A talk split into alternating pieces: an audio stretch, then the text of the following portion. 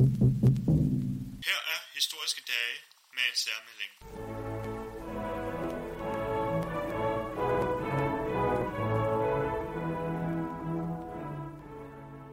Nu er det mig en meget stor fornøjelse at kunne byde velkommen her på DRK-scenen til Anne Appelbaum i samtale med Karen Linde om øh, Ukraine og Ukraines forhold til Rusland. Værsgo.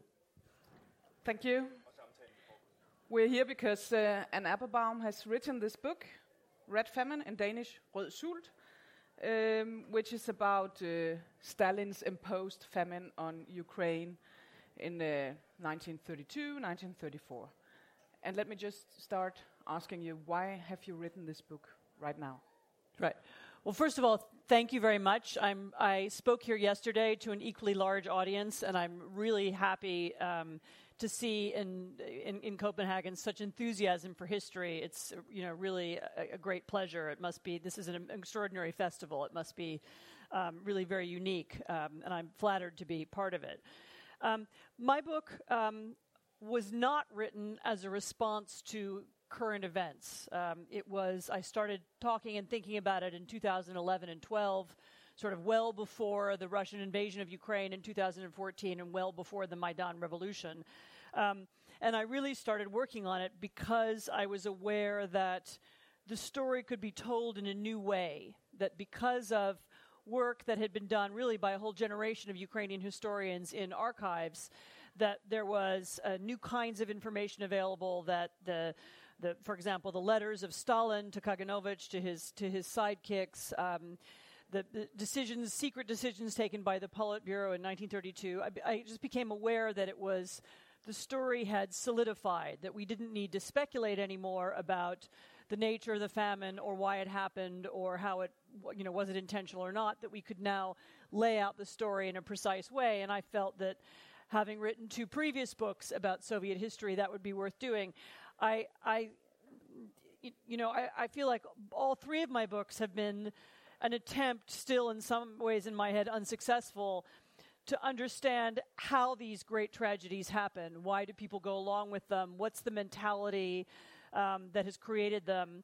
Each, each one of them was different. My first book was about the Gulag. The second one was about the Stalinization of Central Europe after the war. This one is about the famine.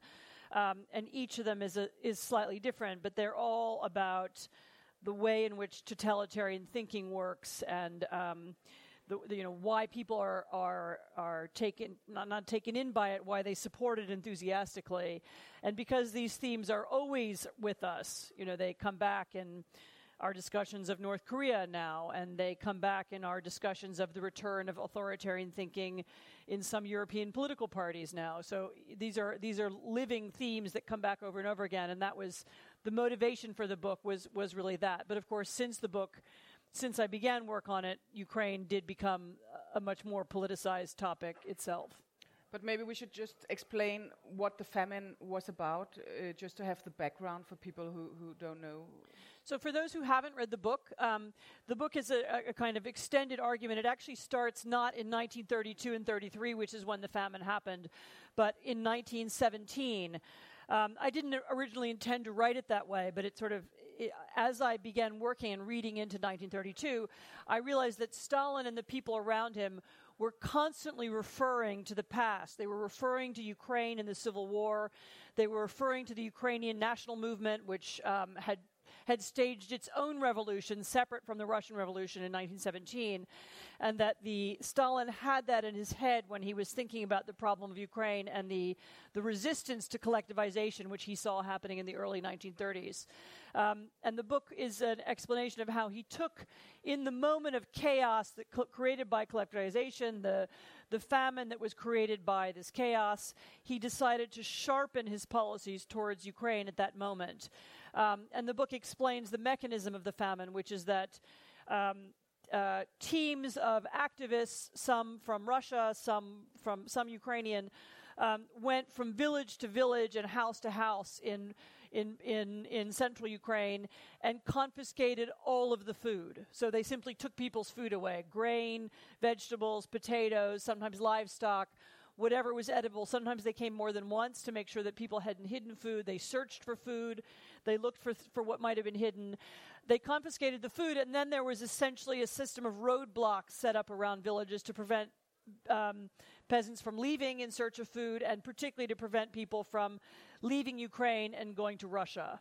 So the you know when you take away people's food and when you prevent them from leaving, then it's a matter of time before they starve to death. And indeed, following the the, the collections, these these confiscations in the winter of 32 33, there's a spike in deaths in Ukraine in the spring of 1933, which is directly connected.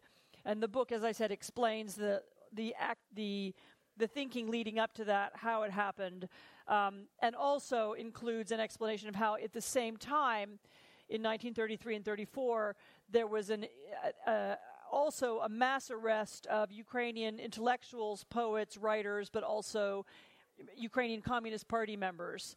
Um, in attempt, it, it was really Stalin's attempt to get rid of or squash the Ukrainian national movement forever, you know, so that it would not be a threat to the central Soviet power in Moscow.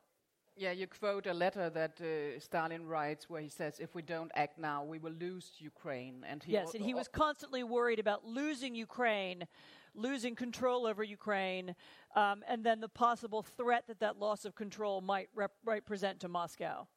So there's a lot of parallels uh, somehow between the in invasion sense, yes. uh, in 2014 and what happened in 1917 uh, when the Red Army several times invaded Ukraine, but they didn't, you know, they didn't, they didn't show up, show up to seem, uh, show up to be Russians. They were in disguise. Yes. So, so one of the things the book writes about is that these tactics, which we now call hybrid war, and that we pretend like this is some new thing. Mm. Um, these are very old Soviet tactics, um, and when the when the Red Army invaded Ukraine um, for the first, they actually invaded Ukraine three times in 1917 and um, in, in, during one of the invasions, they pretended, you know, they would send troops who were, um, you know, communist liberators of Ukraine, who were in fact Red Army troops. So they would send Russian troops pretending to be Ukrainians, and this is a this was a very common tactic at the time. Um, I think the parallel is actually even more interesting than that because in the same way that Stalin saw Ukraine as a permanent problem, you know, as a as a source of instability, I believe that Putin sees Ukraine that way now. Um, and the explanation for his very harsh and really quite extraordinary reaction to the street revolution in 2014, the Maidan revolution, the, the, his, his invasion of Crimea and then his invasion of eastern Ukraine, the, this reaction was, um, you, you know, consistent with that fear. And, you know, look at it from his point of view. When he saw young people in, in Kiev um, you know, chanting anti-corruption slogans, mm-hmm. waving European flags, calling for democracy and rule of law. Um, he saw that as a threat to him and the kind of political system he has created in Russia. Um, and I think particularly the sight of, you know, when, one, that when the Ukrainian president fled the country and when the street mobs went to the, the, you know, the president's house and they discovered the gold taps and the, and the um, and this ridiculous art collection, and, and, and people began exposing how how much uh, President Yanukovych had stolen. Um, I think that Putin saw this as you know a, a harbinger of what could happen to him, um, and the the reaction to Ukraine was intended also as a sign to the Russians. You know, look how you know you know I will not allow this kind of revolution to take place.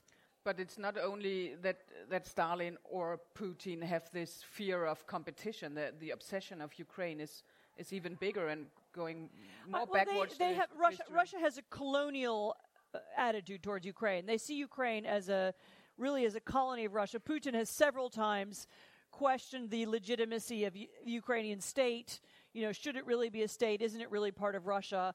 And actually, I think he made a mistake about Ukraine in 2014 when he invaded eastern Ukraine. I think that he believed that Russian speaking Ukrainians, of which there are a large number, Ukraine is a bilingual country.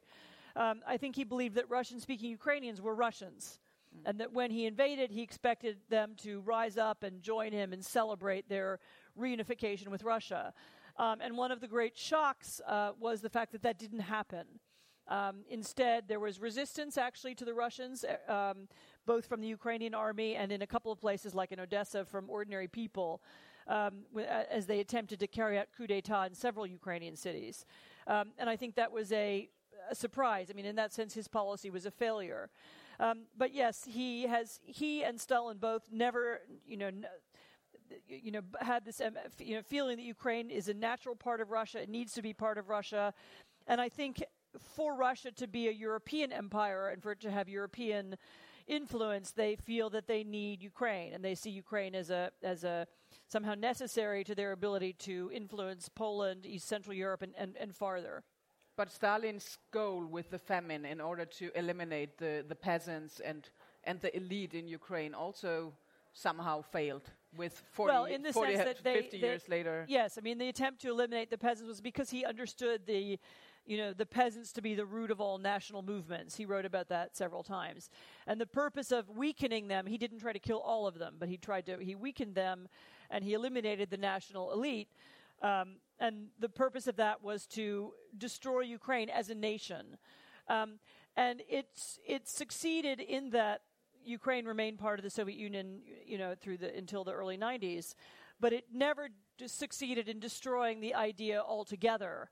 And the revival of um, you, the Ukrainian national movement and Ukrainian national identity that happened at the end of the 1980s um, was incidentally not it, it was linked in some ways to the new conversation about the famine because the famine had happened then the story of it was suppressed um, and the rediscovery of the famine the conversation about it why it had happened was part of the revival of Ukrainian national identity at the end of the 80s and then you could argue because because the Ukrainian Declaration of Independence was so important in bringing about the end of the Soviet Union it was one of the factors that led to the end of the USSR, and then Ukraine's refusal to join any kind of new, um, new post-Soviet um, uh, organization together with Russia was one of the reasons why Russia never decided to go its own way.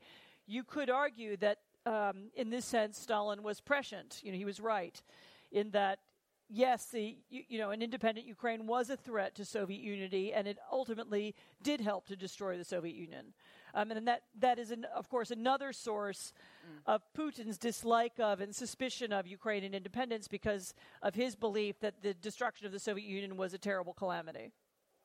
and the famine, which cost approximately 4.5 million Ukrainians uh, their lives, it was suppressed. You know, there was this big cover up because it was not. Uh, they were not allowed to talk about it. Uh, but they didn't succeed in, in the same way as you. As you Yes, so it so the story of the cover up of the famine, I've actually got in the book. There's a whole chapter on it because it's so fascinating. It's almost it's as gripping as the story of the famine itself. Um, it went very very far and was very deep. So, for example, in 1937, um, the the Soviet Union organized a national census, and the census figures when they came out were when they when they were when they were written up, it turned out that there were too few people in Ukraine, and it was a very notable drop in the population. And this was um, so upsetting to Stalin that he actually repressed that census. It was never published um, for that and for other reasons. And not only that, but the people who had organized and carried out the census were arrested and murdered. Um, so the census never appeared. A new census was taken in 1939, which was falsified. So there was actually a false census, which was then the basis for Soviet record keeping for many years. So the lengths to which the suppression went were inside the country were quite deep. Um, outside the country, they were equally profound. Um, Stalin went to great the the the the, the, the Russian foreign ministry uh, made it clear to journalists who were based in Moscow at that time that they were not to publish on the famine, they were not to write about it. All of them knew they weren't allowed to write about it. And there were one or two exceptions, which are described in the book. There was one very brave, young um, Welsh journalist who. Uh, a freelance journalist who traveled to Ukraine, actually at the height of the famine in the spring of 1933, uh, took a train from Moscow to Kharkiv, got off the train, and walked down the train tracks, and then uh, described, took notes on what he saw and described it, then left the country, actually gave a press conference in Berlin describing what he'd seen. Um, and it, and they know, didn't know he was a journalist. That was the only reason he a came into the country. They didn't know he was there as a journalist. They, he was he had been an advi- a secretary to Lloyd George, the British Prime Minister, former Prime Minister, um, and the. Um, the reaction of the Moscow press corps was to help Stalin suppress the story, and the, very famously, the New York Times correspondent of the time, who was the most famous journalist at that time in Moscow, um, actually wrote an article you know, deny, putting down this report, denying that it was true, very patronizing, saying, you know, this young journalist doesn't know what he's talking about.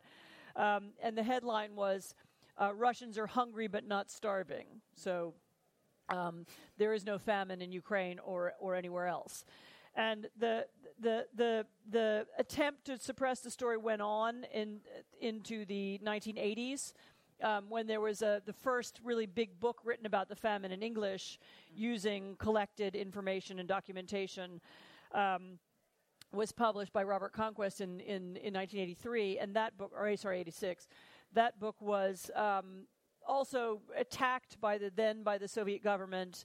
There was a counter book that was published accusing Conquest of being a CIA agent and saying that all the material that uh, on the famine was produced by Nazis, that it was kind of Nazi propaganda against the Soviet Union. So the attempt to suppress the story went on up until the very end of the USSR.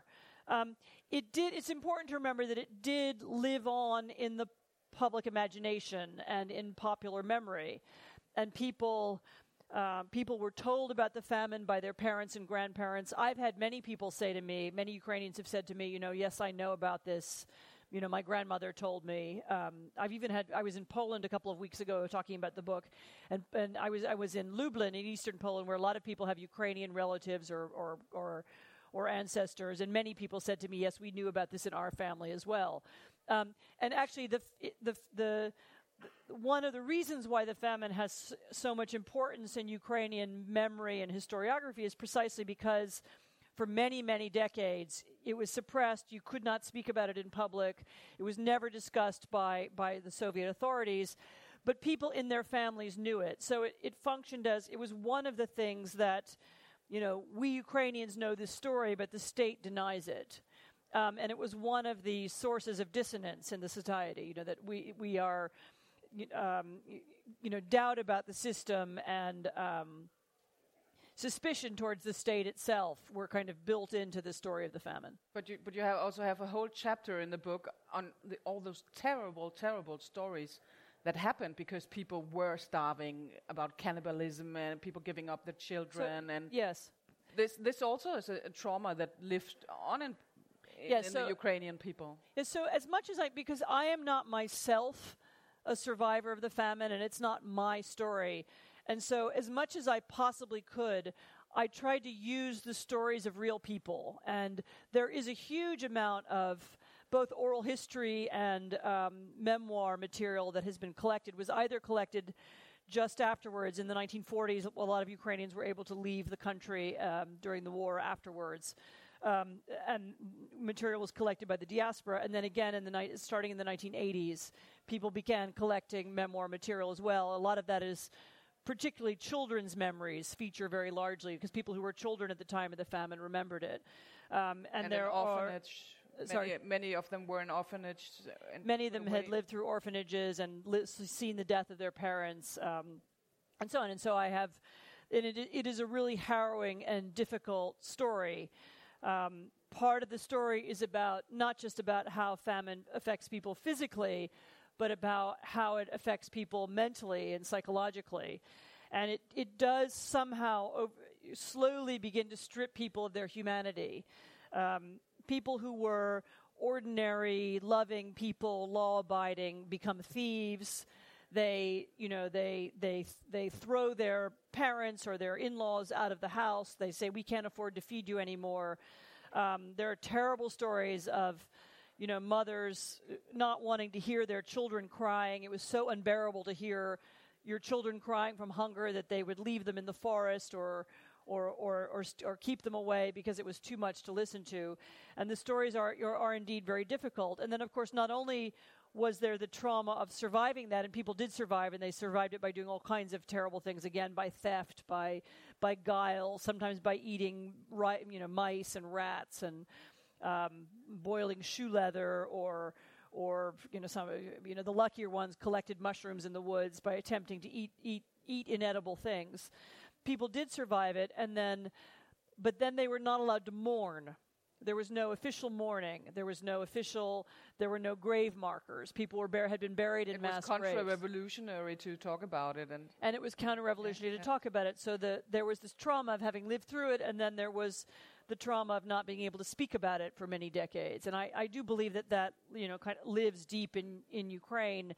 Um, it, it's it, it is again a, a source of mistrust, a source of you know ongoing fear. It's one of the reasons why people remained fearful of the state, distrustful of people in power, distrustful of authority, um, and it you know it continues to be part of the uh, you know of the of the kind of psychological makeup of the country today.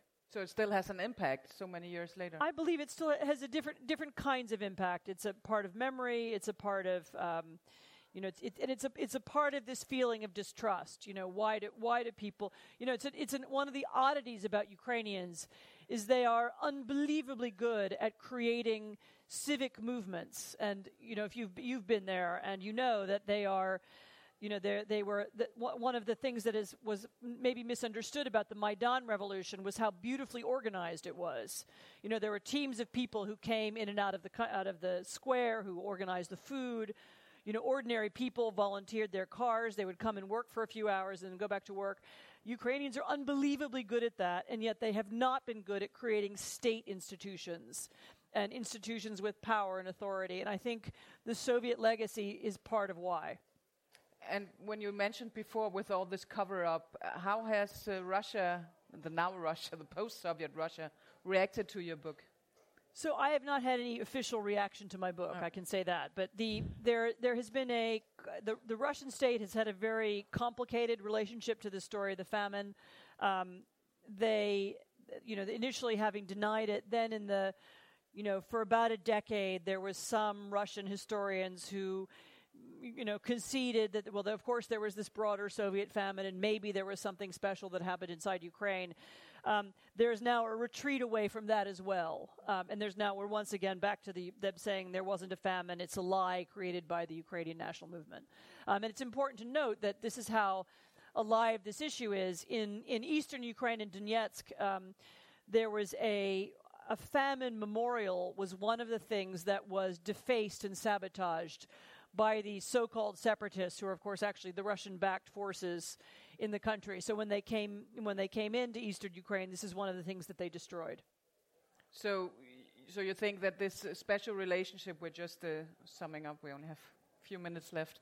Uh, Putin will probably be re-elected uh, in a week, and uh, he, Russia is pretty, you know, it's, it's in Ukraine. It's not moving out of Ukraine. So, so how, how do you so think r- I that, think- that the impact is of how important Ukraine is for Putin?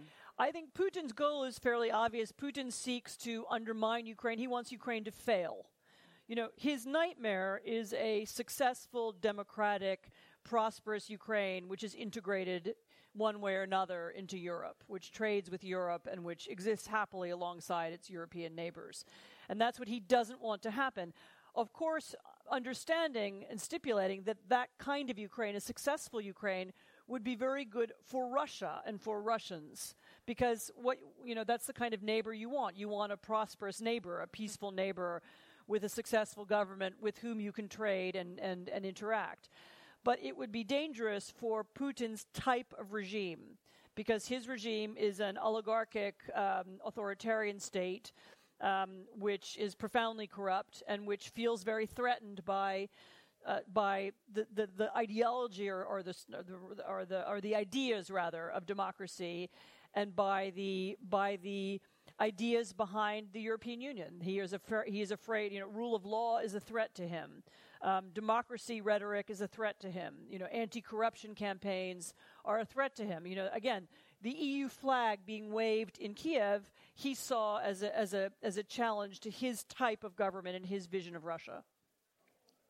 But they are still in the Ukraine. You, you told me before that you think that the occupation or the invasion actually did get the Ukrainians Yeah, to, so to- one of to the- be one- more together. or- One of the paradoxes of the of the invasion was that um, you know it, it failed to divide Ukraine, um, and it instead rather united Ukraine. I think much more the, more so than it had ever been before in history. Um, and I, I you know, I, we'll see whether that lasts. But at, but the, the the unification that the Ukrainians feel again, you know, about and the objection that ha- they've felt to the Russian invasion has. Um, you know, has has built up a sense of nationhood in a place that never had a state before. E- even though they have a war in the east, The war and the war in the east continues. it is still there. It is Yeah. still there. It goes on. I think Putin sees it as a useful tool. It's something that he can escalate at any time if he wants to destabilize Ukraine.